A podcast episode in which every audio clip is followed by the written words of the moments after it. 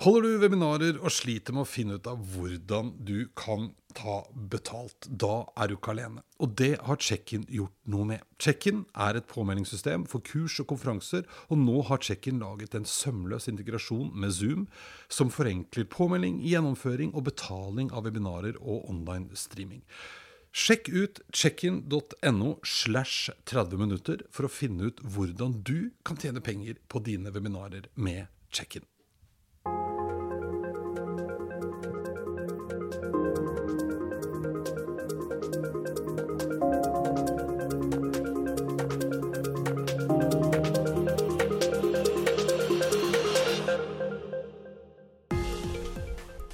Dagens gjest har ca. 148 baller i lufta om gangen. Hun heter Katarina Frosta, og hun driver sin egen konsulentvirksomhet hvor hun selger sin marketingkompetanse. Hun har en startup som heter Clean Sea Solutions, hvor de lager autonome plastopprydningsroboter og flytebrygger som renser havner for plast. Og I tillegg så er hun aktiv seiler, og er gjerne med som skipper et par ganger i året på forskjellige ekspedisjoner. For Katarina er engasjement og mening ekstremt viktig, og hun mener at flere og flere vil være være sånn som henne og følge drømmen og engasjementet og det de virkelig brenner for. Dette det er 30 minutter inn i fremtiden, og jeg er Eirik Nordmann Hansen. Her. Sånn, ja. Og så setter vi på klokka. Da er vi i gang. Hei! Hei, hei! Velkommen, Katarina. Takk, takk. Hyggelig. Vi har jo eh, prøvd å få det til en liten stund, men nå, nå satt den. Endelig. Klart Endelig, ja. ja. Fordi eh, du bor i båt. ja, jeg bor i båt. Er ikke det, Hvordan er det? På Aker Brygge. Du har veldig fasjonabel adresse. da. Ja, veldig. Altså, det er fordelen med båt. da. Du kan jo flytte den til uh, hvilke fasjonable adresser du vil. Eh, så nå har jeg blitt på Aker Brygge. Bodde på Bygdøy i sommer. Bare for å fortsette Selvfølgelig. Ja. Ja, så, Så det deilig. er, Ja. eh, Men er fordelen nå er at du føler jo litt at du er liksom på hytte. Eh, Så du kommer deg litt sånn der eh, vekk. Litt sånn annet hjemmekontor enn de fleste andre. Det er litt deilig. Ja. For du kan jo rett og slett òg bare stikke Ja. ut. Gjør du det nå? Eh, nå har det blitt litt uh, mindre. Det har blitt litt mer sånn vinter, uh, vinterfast. Vinter, ja, for det, ja, det, er kanskje, det er ikke is på Aker Brygge nå? Er det det? Nei. Det er ikke, lå litt slush her om dagen. Men Ja. ellers ja. Ja, for det har vært kaldt. Ja. Men, ja. Men det, vi skal ikke snakke om eh, vær og vind og, og seiling eller hav, skal vi snakke litt om, for det er du ganske glad i. Veldig. Veldig glad i hav. Ja. Eh, men eh, men eh, hva er det du driver med? Hva er det du driver med? Veldig godt spørsmål. Mm. Eh, jeg er jo person som liker å ha litt mange jern i ilden. Mm. Eh, så samtidig som det er mye ulike prosjekter, så føler jeg at alt henger sammen til syvende og sist. Mm. Men eh, jeg jobber bl.a. som frilans marketing for et selskap som heter Salesforce. Software-selskap. Ja, for det er litt sånn CRM som det er så populært Ja, både er liksom mest kjent på CRM, Ja. eh, og så litt andre flere typer systemer. Men de er liksom nyetablert i Norge nå. Svært Mm. amerikansk selskap. Så de driver og har bygd seg opp fra 2 til 50 eh, på to år nå. Mm. Eh, så da har jeg kommet inn litt sånn markedsføring der. Ja, for det, det, du har liksom Du har studert litt på BI og sånn, men det er på den ene siden frilans markedsføringsrådgiver, konsulent, heter det kanskje. Ja. Eh, Men på den andre siden, så det skal vi snakke mer om, så er det liksom startup og ting som er, som er spennende. Ja. Men innenfor markedsføring, altså svært amerikansk eh, software-selskap, åssen er det å markedsføre de? Jo, det er jo altså det er veldig gøy, fordi Mm. det er også egentlig en liten startup. eh, med en svær bedrift i, i ryggen, siden vi starter opp i Norge nå. Eh, men det er jo Norge og USA er litt forskjellig hvordan du kommuniserer ut, da. Ja. Eh, så det er jo en liten utfordring, men også spennende. Ja. Hvordan vi får det ut her.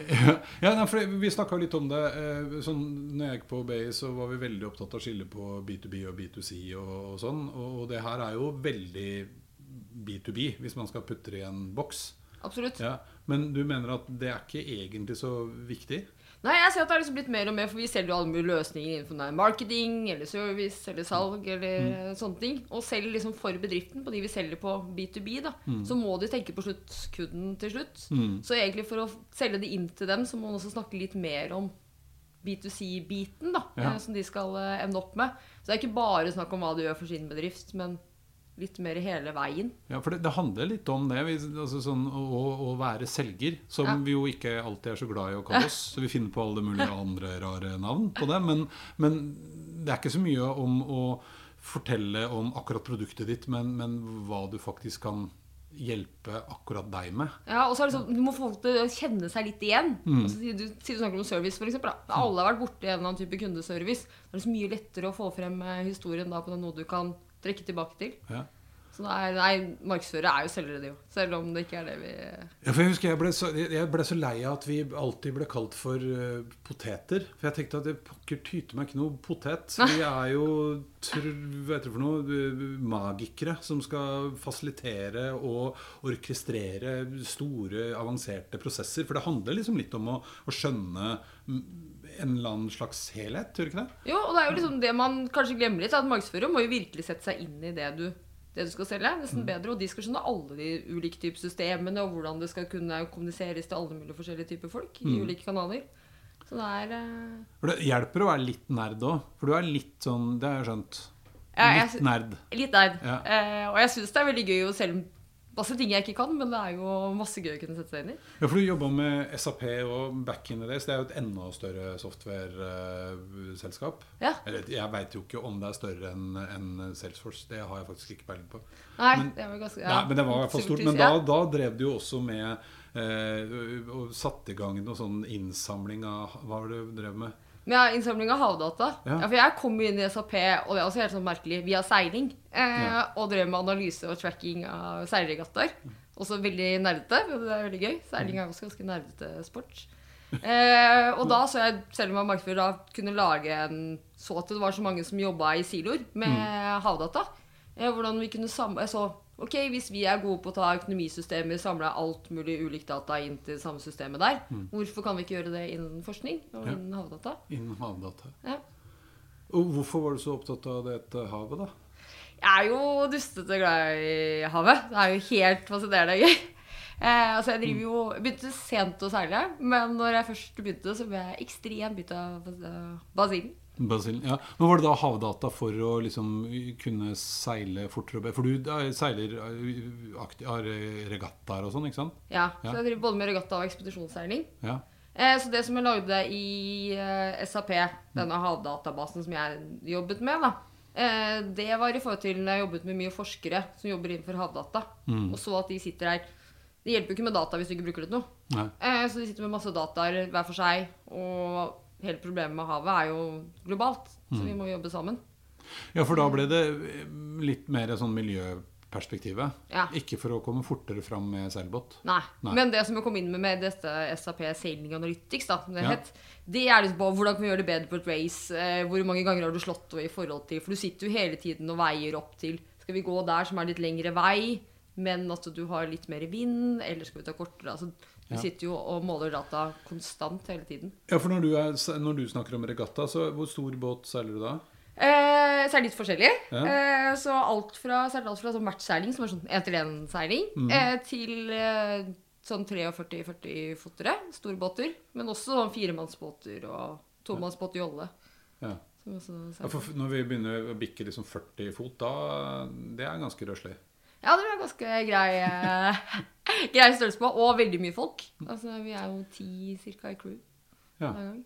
Er det ti mennesker Ja. som jobber samtidig? Ja, så du Oi. har jo alle De der har du veldig eh, veldig spesifikke oppgaver. da. Eh, Om bord i båten som er fokus på. Eh, bortsett fra de som også er taktikere, og noen har litt mer overblikk. da. Mens i mindre båter så er det jo heller færre personer, men du skal ha det samme overblikket eh, og gjøre flere oppgaver. Det er litt som jeg sa i stad, da når jeg var yngre og var på seiltur med han kompisen min som var så lei av å lære folk å seile. Så han bare bytta ut alle tauene med forskjellig farge. Så sånn, Eirik, grønt tau inn.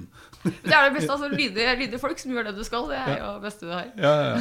Men så, så eh, interessen for havet, den har jo Så så jeg føler litt når jeg snakker med deg, at, at eh, jeg tror definitivt du tar markedsføring på alvor. At det er liksom et område som du driver med. Men det er noe med at du på sett og vis har valgt å ikke ha fulltids fast jobb eh, med det. Ja. Det var litt sånn når jeg kom ut av eh, SAP, eh, så begynte jeg da det egne selskapet, eller denne startupen, eh, som jeg drev med to andre. Eh, og da havnet litt i den der, og heller liksom kunne skaffe litt sånn småjobb gjøre litt mer det du brenner for, da. Eh, og ha muligheten til det. Og du merker hvor mye mer engasjement og hvordan du jobber når du jobber med noe du brenner for, fremfor noe du bare gjør, da. Ja. Er ganske forskjellig. Ja, for Gjennom min eh, nå snart uh, halvannet år eh, med podkaster, så har jeg jo snakket med alt fra liksom, administrerende direktører til studenter. Eh, og en ting som har begynt å liksom, utkrystallisere seg litt, syns jeg, er at det kommer nå, eller er nå, en generasjon med folk som kanskje er drevet mer av av passion og lidenskap og Jeg er ikke så glad i det purpose-ordet, men ikke sant, det har blitt viktigere enn at man bare skal få seg en jobb for å få seg en jobb. Eh, og så begynner også en del eh, som deg, da, som ikke nødvendigvis prioriterer bare å finne seg den ene jobben, men å gjøre noe her for å få mulighet til å gjøre noe annet der. Ja. Eh, ja. Og det er, jo litt, det er jo litt derfor jeg bodde, flytta til båt Ja. eh, også, egentlig. Fordi da kunne jeg drive med det jeg brant for. Og så, selvfølgelig, man trenger jo penger eh, og lønn, men eh, da hadde jeg liksom mulighet til å kunne bruke engasjementet mer istedenfor. Og så ordner jo liksom alt seg, og så ser man Kan man heller bruke Altså Som jeg som driver mye ulike jobber, da, så ser du det er jo en sammenheng der. Ting du kan hente der for å gjøre det bedre der. Eh, og istedenfor Ja, du får jo alltid høre den derre Du må ha en 9-4-jobb og hus og spare opp og litt sånne ting. Men det er ikke det som gir meg energi til å drive. da. Men er ikke det, det er sånne som meg ikke sant, som sier det, som ikke er uh, 35 lenger. Nei, både og, egentlig. Er det det? Ja, det er, eh, det er Ja, litt jeg synes blanding, er- Overraskende mange av de jeg har snakka med, som er liksom yngre folk, da, de er så veldig opptatt av å finne en eller annen sånn passion-ting. Også for den bedriften de skal begynne å jobbe i. At det holder ikke bare å få lønn og mobiltelefon, liksom. Vi skal vite hva den bedriften gjør for å bidra til å skape en bedre verden rundt seg. Jeg tror jo de du ansetter nå, de krever jo mye mer. Fordi de krever at eh, bedriften Og de kan ikke bare ha sånn grønnvasking og bare si at eh, ja, men vi gir penger til det og det, eller betaler noen klimaavgifter eller noen sånne ting. Du må liksom virkelig ha noe, og det kreves for at du Ellers så velger de deg ikke. Du vil ikke jobbe for deg heller. Ja, for jeg, har sant, jeg holdt på å si folk rundt din sfære, da, men jeg har jo truffet noen av de du kjenner òg, som er litt sånn som driver med noe, men de skal også på ekspedisjon, og de skal også drive med den startupen, og de skal også Og jeg innbiller meg at hvis en eller annen arbeidsgiver hadde sagt til de at nei, det får du ikke lov til, da gidder de ikke å jobbe der, da. Nei. Nei. Og så tror jeg, Og så må de også begynne å se verdien av det. Altså, Selv om det virker som at det, å ja, men dumt å ansette meg fordi jeg har lyst til å stikke på en ekspedisjon en måned til sommeren. Men du får igjen for det man lærer når man er på ekspedisjon, f.eks. Eh, Ja. Som du tar med tilbake til bedriften. Det engasjementet. Altså, det er masse. Ja, for det, for det er jo noe med den derre Det handler om litt mer kunnskap enn bare akkurat det Ja. du må kunne i den jobben. Og du ser jo de fleste jobber, altså jo, de fleste kan jo lære seg et eller annet fag. Ja. Altså, sier ikke at man kan lære alt, noe trengs det, men veldig mye av det som gjør at jobben går lettere, eller hvordan du jobber sammen med folk, eller sånne ting, får du jo for andre ting. Ja. Spennende. Men det du driver med, det har vi ikke sagt noe om ennå. Det selskapet, det heter den startupen. Den heter Eh, Clean Sea Solutions. Ja. Og det dere gjør nå, er Eh, vi eh, bruker jo da teknologi for å være med og redde og ta opp plast i havet. Eh, det er jo et supert problem som alle, alle vet om. Og det er kjempeflott med alt som foregår av strandrydding og hvordan vi mennesker må være med på det. Men jeg tror vi må bruke teknologi sammen med mennesker skal vi klare å få, få fart på det. da, I forhold til den, eh, hvordan vi har spytta det ut. Ja, for det, Dere har laget en eh, slags sånn autonom drone, er det ikke det? Eller sånn eh, ting som kjører rundt i Jo, så er det, det var kjempegøy nå i høst, for nå har vi endelig fått ut produktene våre på vannet. Det er noe helt annet å snakke om det da. Ja. Så vi har to prototyper ute. Så det ene er en brygge. Fungerer som en vanlig brygge, eh, men med et stort sug som eh, tar opp lagret vannfall til å kunne ta opp plasten. Så det tar opp til 700 liter.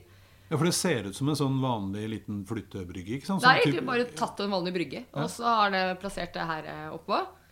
Og det andre er en autonom båt. Fungerer litt som robotstøvsuger, gressklipperstøvsuger. Men at den går på havet innenfor visse sånn waypoint da, som du legger til. Og så er det jo Nå er den jo ikke fullautonom, men det er egentlig bare med regelverket å gjøre. Mm. Og så kan den være helt fullautonom. og Så går den og tømmer seg selv, og så går den ut igjen og plukker. Ja, For dere har på en måte da konsentrert dere litt om eh, liksom, strandlinjer og havneområder og, og sånn, eller? Ja, for vi liksom, nå kommer jo liksom 80% av plassen kommer jo fra land. Ja. Eh, og så er det jo veldig mye vanskeligere hvis vi skal begynne å ta det når det har kommet ut på de store havene. Altså Ja. Først er det vanskelig å jobbe der ute, og så brytes jo det meste opp til mikroplast, og det mesteparten synker også til bunns. Og da er det noe helt annet. Du kan ikke lage en støvsuger som tar og saumfarer hele bunnen. Da vil du ødelegge så mye av faunaen der. Ja. Så derfor så jobber vi med havner, da. eh, Og ønsker å ta det tidlig. Også der folk er. Og så tror vi at det kan komme sånn havnereglement da, som gjør at det er krav til havner at de må ha noe. Ha noe greier. Ja. Ja. Og vi ser på hotellindustrien f.eks. Mm. Nå begynner det å bli fokus på det her for at de faktisk kan selge til turister at de vil komme til deg, fordi du har et fokus på at du har, har det rent. da, Gjør noe med det. Mm. Ja, for det er jo litt sånn Det var litt sånn eh, øyeåpner i fjor, når hele verden bråstoppa, og plutselig så Nå var vel kanskje ikke den delfinen i Venezia, det var vel ikke helt sant, men eh, at det plutselig liksom vannet ble renere, det kom tilbake dyr der det ikke hadde vært dyr før og sånn.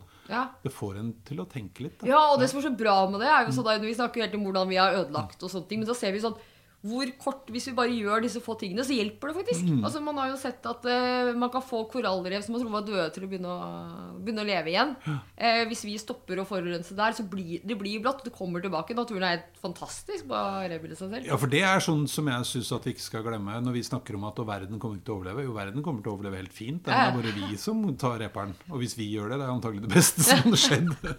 Ja, jeg tror jeg verden har blitt et mye bedre sted. Ja, ja. Men, men eh, når man da Når du og noen fant ut at nei, nå skal vi jammen lage en startup For det jeg syns er spennende med dette, er jo at hensikten med den startupen er for å løse et stort problem. Og utfordringen med det er jo at det er ikke sånn helt obvious at noen skal kjøpe en sånn robot med det første. Nei. Og i tillegg å bygge hardware i Norge. Ja. Det er det jo ikke så mange som Så vi var jo uh, i uh, Sri Lanka eh, og sjekket litt der nede. eh, og snakket med selskapet og hadde tenkt å gjøre det sammen med dem. Da, noen unge studenter der. Men så ser vi jo liksom fordelen med å gjøre det i Norge og sitte på liksom hele prosjektet der eh, selv. Eh, det var ganske mye mer verdifullt i forhold til kostnadene også. Og Ja. det ble ikke så veldig mye billigere.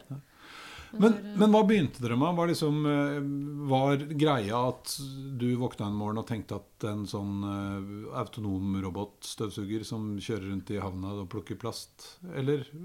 Vi var tre veldig ulike personer som Ja. eh, fant, fant hverandre. Jeg jobbet med et prosjekt jeg hadde startet selv når jeg jobbet i SAP, og de to andre kom fra andre steder. Eh, Jeg er nok mest den derre havseilpersonen, eh, mens de kommer fra andre, andre bedrifter og andre løsninger, som jeg tror var liksom en bra kombo. Mm. Og så hadde vi ulike grunner til hvorfor vi kom inn og tenkte at det her skulle vi gjøre noe med. Eh, Men for at nå har dere jo faktisk altså, prototyper ute. Hvor mange år har dere, eller hvor lenge har dere holdt på? Oh, ja, nå har vi holdt på i i tre år, nesten. Jo, jo, men det er jo ikke tror, så det er jo ikke så lenge, men jeg tror fordelen vår da, er jo at vi er ikke best på å bygge brygger eller pumper eller autonome båter. da. Så har vi heller gått sammen med folk som er gode inne i industrien der. Som driver inn i, altså Norge er jo et av de beste når det kommer til offshoreindustri f.eks. Og hva vi gjør på havet der, den kunnskapen vi har der, er jo helt unik. Så sånn som de vil lage bryggene med, de lager jo egentlig sånne offshorepumper. Jobber mye innen olje- og fiskeriindustrien og sånne ting. ja. Og de hadde lyst til å være med på noe som kunne gjøre det bra, og de har jo en super ekspertise. Mm. Og det samme med den autonome båten. Det samme med Maritime Robotics, eh, som da lager autonome farkoster. Bruke den til å kunne lage Så da har vi liksom løst det som er den vanskelige biten av det. Men til å bruke teknologi som allerede er der, da. For det syns jeg også var litt spennende. At man kan nok kanskje noen ganger tenke at hvis jeg skal starte bedrift, og i hvert fall finne opp noe, så må jeg liksom finne opp noe sjøl helt fra bunnen av. Mens det jeg føler dere gjør òg, er å prøve å få litt oversikt over hva som fins, og hvilke komponenter vi kan skru sammen fra forskjellige miljøer, eh, for så å skape en løsning som er den vi var på jakt etter å skape. Ja, for det er så mange som tenker at du må være så Petter Smart. Du må liksom finne på noe helt nytt. Så, men nei, du kan godt bare bruke teknologi der, men på en ny måte og til det du ønsker å nå. da. Det tror jeg gir deg en bra, bra styrke. Og gjør det i hvert fall lettere å komme i gang. For det jo det har vært en lang vei å komme dit. Og vi har jo prøvd ut ulike ting eh, på forhånd først. Men nå tror jeg vi begynner å lande på noe. Nå er jo prototypene, da. Og så skal du inn og sjekkes og Men er det også litt sånn for det, I og med at du har valgt å ha eh, en fot i en slags konsulentleir hvor du har tjent penger til livets opphold, og, som da har gjort deg litt friere Altså man kan ha, holde på litt lenger, mot ikke tjene penger i løpet av det første året, liksom. Ja, det, det, det gjør jo det. Hvis ikke så hadde vi sikkert gitt opp, litt opp for lengst. Og at man liksom er en eh, sånn sett, eh, sånn sett enkel, da. Og ikke har bygd seg opp alt det som gjør at man trenger alt det der faste. da. Mm. mm. Som gjør at man er mer fleksibel. Men, men hvis man sitter der og har en liten gründer i magen Eh, Hva tenker du man burde tenke gjennom først? Du har jo hoppa ut i det på et eller annet vis. Ja, jeg har jo hoppet litt ut med armer og bein og har jo liksom bare hatt meg selv å tenke på. sånn sett da, Så da har jeg litt mer, mer muligheter til det. Men jeg tror det er litt problemet i Norge òg. At vi, vi har jo mye sikkerhet rundt oss som gjør at du eh, Si f.eks. USA, da, så har de litt mer kniven på strupen til å få det til. Og det er jo på godt og vondt. da. Jeg tror det lett blir at folk bare setter i gang med ting uten å tenke på alle utfordringene. Du har ikke noe å miste. Nei. Eh, så det er nok derfor også mye startuper ikke går veien her. Mm. Eh, for du gir ikke alt. Hvor er det butte først, da, tenker du? Nei, det er jo dessverre det her med jaget etter å skaffe penger, da. Ja. Det er jo det som liksom blir fokuset foran det du egentlig starta med å gjøre det her for. ja. Og så er det det jeg tror det er viktig tidlig å finne noen å gjøre det med. Altså Du må ha noe å spare med. Og ikke alltid tenk i samme boksen. Altså Gjerne tenk å ta med noen fra en helt annen industri eller helt annet fagfelt eller erfaring. Mm. For Jeg tror det er en veldig stor fordel å blande dette. Ja. for det høres ut som det er liksom litt sånn gjengangeren også gjennom både eh, konsulentbeinet ditt, men også her, da. Altså det der å eh, hente inn andre, sparre med andre, hente andres meninger og perspektiver. og kan jo bli litt fort gjort at man blir en sånn økonomgjeng fra BI eller en ingeniørgjeng fra NTNU som skal prøve å løse et eller annet problem. Ja, det tror jeg er det som de fleste er. Og det syns jeg har vært spennende med en sånn Cleese Solution. Altså, vi er liksom helt forskjellige folk. øh, Åssen det har møttes. Og så tror jeg liksom viktigheten med det er å være Du får så mye av å være litt ydmyk. Ja. Eh, og stille de dumme spørsmålene og ta, altså, ta til hjelp på de som er faktisk eh, eksperter på det. Ja. Men, men hva er neste steget nå, da? Nå er det jo få det Vi ønsker jo å gå globalt. Mm. så nå har vi jo hatt dem prøvende ute i Oslo. Nå kommer på den autonome båten. Kommer nå i første kvartal til Oslo havn. Eh, Hvor, er, vet du hvor i Oslo han jeg vet ikke helt akkurat hvor de legger VIP, men vi driver og jobber med det nå. Eh, så da er det rett rundt uh, hjørnet. Så det Ja. kjempegøy. Det er gøy. Men det er jo Middelhavet som er liksom vårt første sånn fokusområde. For det er jo problemet noe helt annet. Mm. Og det er jo ja, Du har så mye sånn ja, seilforeninger, hoteller Vi ser jo til og med det er jo et stort privatmarked for det her òg. Mm. Eh, til å få det ut. Og så er det jo gå globalt eh, ellers. Men nå er det liksom å få, få salg og få er jo dette investorfase, så det Ja. trenger. Så man kan jobbe videre på det. Ja. Og så er det utvikling. Ja. Det er jo Hva Er det flere produkter på gang? I første gang så er det disse vi drev og snakket om en mm. til elven også. Eh, den er litt sånn på pause.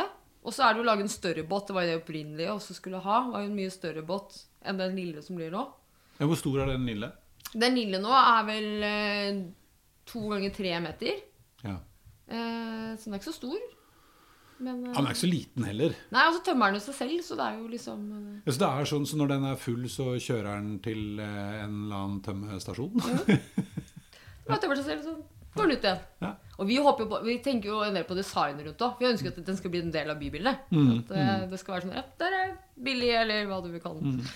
Men ser man fortsatt sånne uh, ting som dette også kan uh, gjøre flere ting når de først er uti der? Ja, absolutt. Og det er jo sånn, noe av det jeg syns er mest Jeg synes det er veldig spennende med havdata, Mm. eh, og hva vi kan hente opp der. Og når vi først, først er ute, så hvorfor ikke gjøre det i samme slengen, da? Ja, Eh, ja. og se hvordan de renser opp. Og også muligheter f.eks. på den brygga, så er det jo og det er mye naturlig også vi kan bruke til å rense havet på flere måter. Og Mm. så bruke blåskjellrakler for å hjelpe pH-en i vann. Temperaturmålingen, hva som helst, kan du putte på der. Jeg, var på, eh, jeg kom på jeg var på besøk hos øh, øh, Nordveggen, heter det, i eh, eh, Nei, men i alle dager, da. Uh, Dombås. Eh, og Der er det mye industri. Og De har Ja. laget et innovasjonssenter. Det er ikke noen høyskoler, ikke noe universiteter. ingenting. De har fått til utrolig mye. Og De har annet et samarbeid med Arkitekthøgskolen.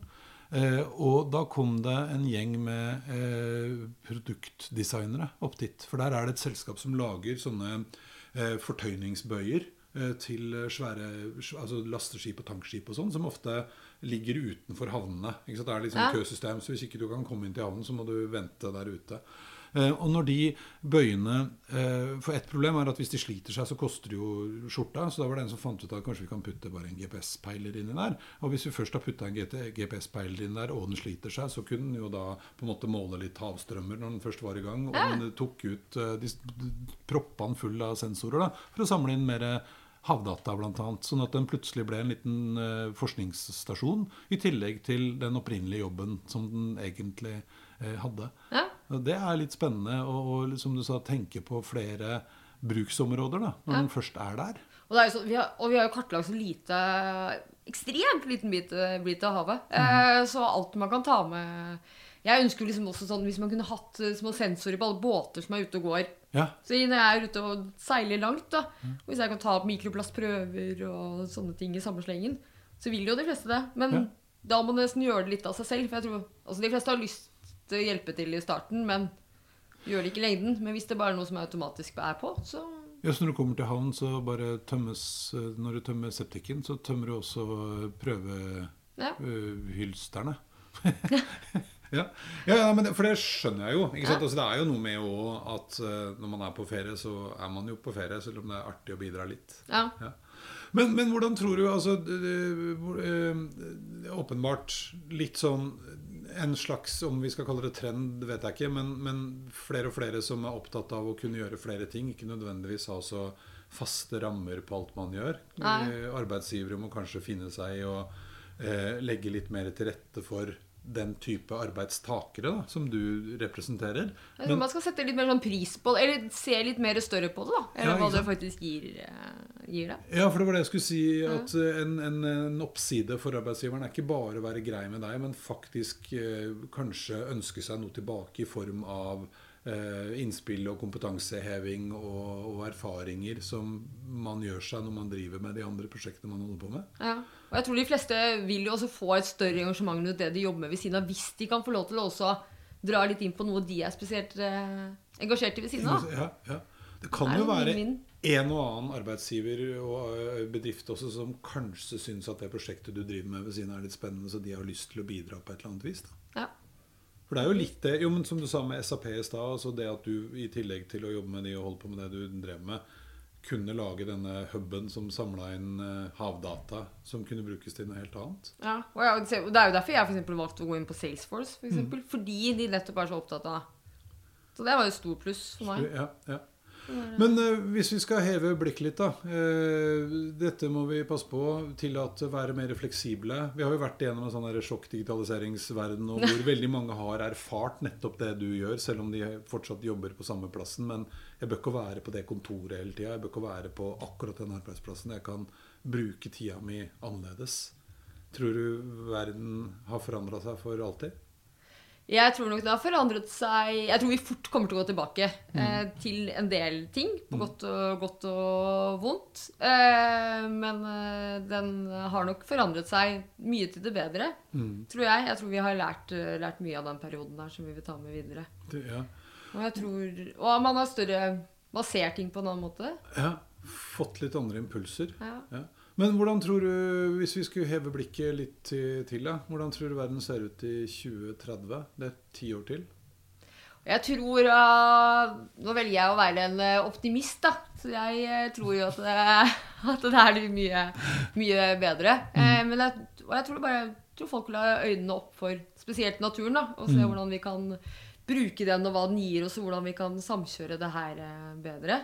Ja. Og forhåpentligvis er alle ute og, i havet og ser at det er i oss og istedenfor. ja. jo, jo, men, men er det For det, jeg føler også at det er litt sånn. Men igjen da, så er det litt som du sa i stad. Altså, det er veldig lett å si at jeg har lyst til å være med og lyst til å bidra og lyst til å ta prøver. Men så når det kommer til stykket, så må det liksom være enkelt. Men er ikke det også et område litt sånn som det dere driver med? da? Å lage løsninger som faktisk gjør de tingene lettere? Ja, og da kan jo folk føle at de lettere er med, er med på det uten at de gjør de store tingene. Men folk må liksom bare tørre å komme ut av den komfortsonen litt. Mm. Du ser det er mange som når jeg snakker om hva jeg gjør for noe, og drar på eventyr her og der og sånne ting, så er det sånn Det er så lyst, men alle kan gjøre det. Du må jo Ja. bare gå ut av den komfortsonen og ha det som Selvfølgelig er litt ubehagelig av og til, men du får så mye igjen for det. Ja, for da, du er rett og slett medlem av denne Explorer Club. Ja. Ja. Og det er Noe av det beste jeg vet med det, er jo, det er jo folk som driver med forskning i Mm. naturen i feltet. Og det er jo at det er jo folk som ser eh, muligheter. Så hvis du har en til tider dustete drøm, da, det er ikke alle som er realiserbart, men så er de liksom hvordan kan, vi, hvordan kan vi få det til? Det er ikke alltid bare sånn Nei, det går ikke. Er, eh, hvordan kan vi snu på det til å få til istedenfor? Ja, for det, det er litt sånn, Jeg synes det, jeg liker jo det der explorer-begrepet mer enn eventyrer. Det Ja. høres jo litt sånn uh, tjohei ut. Men uh, det er jo åpenbart at det, altså det mange av dere da har fått til, det krever jo å være litt gutsy. Og man har jo erfart litt ting underveis. Ja, Det er vel flere av oss som kan lære litt av det, kanskje. absolutt. Ja. Alle sider i livet, tror jeg. Ja, Men så verden kommer til å være bedre, tror du? i Jeg tror verden kommer til å være bedre. Vi er mer opptatt av å hjelpe til med å rydde opp etter oss. Ja. Det blir bra. Ja. Da gleder jeg meg til å ses igjen i 2030. Så Ja. skal vi se om eh, Og nå har blitt sånn. ja, Kanskje vi bader i indre Oslofjord. Helt blått. Helt blått. Ja, det har vi begynt med. Ja. Takk skal du ha. Takk for det. Takk for å komme.